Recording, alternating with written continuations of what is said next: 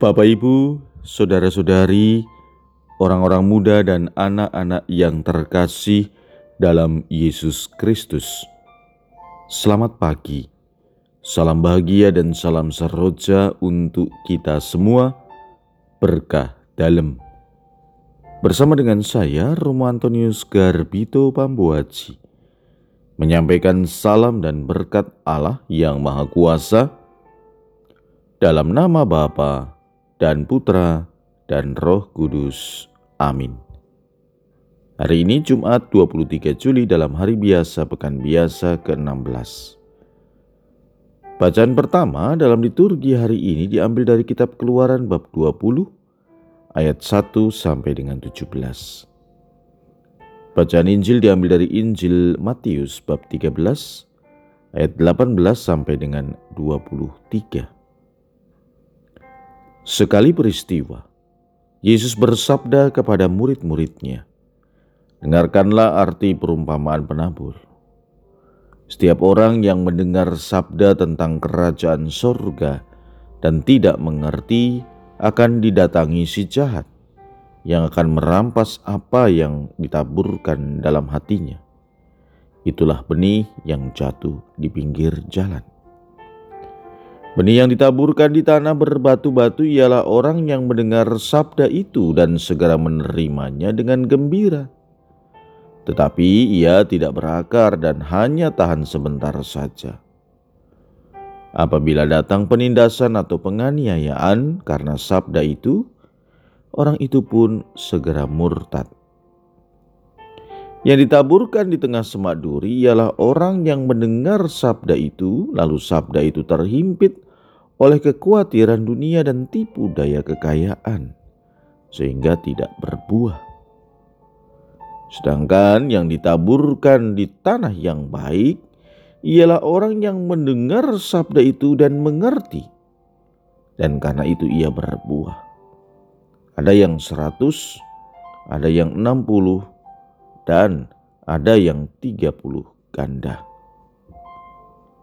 Demikianlah sabda Tuhan.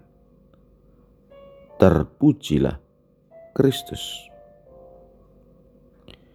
Saudara-saudari yang terkasih, hari ini kita kembali mendengarkan Yesus yang mengajak kita untuk dapat menangkap apa arti perumpamaan yang ia sampaikan. Harapannya, dengan menangkap penjelasan dari Tuhan Yesus ini, kita pun dapat melaksanakan atau mempertanyakan ada di mana posisi kita. Hari ini Yesus mengajak kita semua agar mampu menjadi tanaman yang subur dan berbuah. Ini akan terwujud jika diri kita menjadi tanah yang subur, yakni pribadi yang senantiasa mengusahakan kesetiaan dan kerendahan hati. Kerendahan hati memampukan kita untuk mendengarkan, belajar terbuka pada kebaikan dan kebenaran Tuhan lewat pribadi orang-orang yang ada di sekitar kita, ataupun melalui peristiwa-peristiwa yang kita jumpai dalam kehidupan ini. Setia bukan berarti tanpa cobaan, tetapi ketika ada tantangan itu, kita tidak berpaling, maka itulah kesetiaan. Karena itu, jika hati kita keras berbatu, maka diharapkan kita menjadi pribadi yang rendah hati. Jika hati kita penuh dengan semak duri atau iri hati, dendam, dan amarah, maka diharapkan kita dengan rendah hati membersihkan semua itu.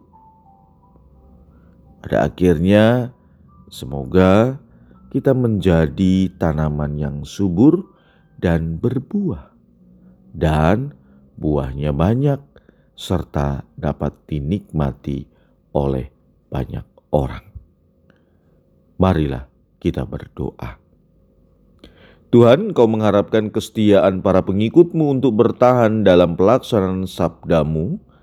Semoga kami dapat diandalkan sebagai muridmu yang setia dan rendah hati, mengerti dan melakukan perintahmu dengan sukacita.